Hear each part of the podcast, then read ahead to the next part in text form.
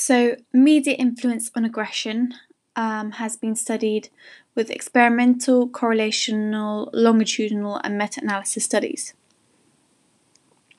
Experimental, Anderson and Dill. They found, Anderson and Dill found, participants that played violent video games gave louder noise blasts than a control group. Although their data is causal, it was only short term and the noise blasts do not uh, provide a realistic measure of real life aggression. Correlational study would be by DeLisi. Positive correlation between violent juvenile offenders and enjoyment of video games.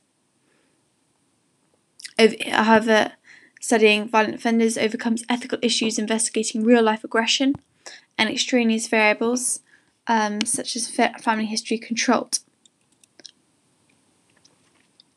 Longitudinal studies carried out by Anderson he surveyed children aged between 7 and 9 on separate occasions and found greater exposure to violent video games to be associated with more verbally, physically aggressive over time.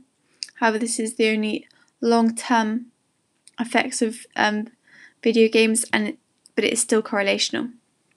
Magatel carried out a meta analysis He reviewed studies of over 40,000 participants, found increased exposure to violent video games to be a small increase in aggressive behaviour and a small decrease in pro-social behaviour.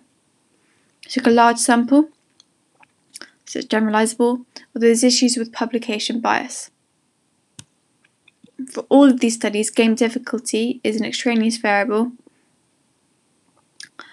um, and it could be game difficulty over game content that leads to more aggressive behaviour due to the frustration, um, highlighting out as a complex area of research.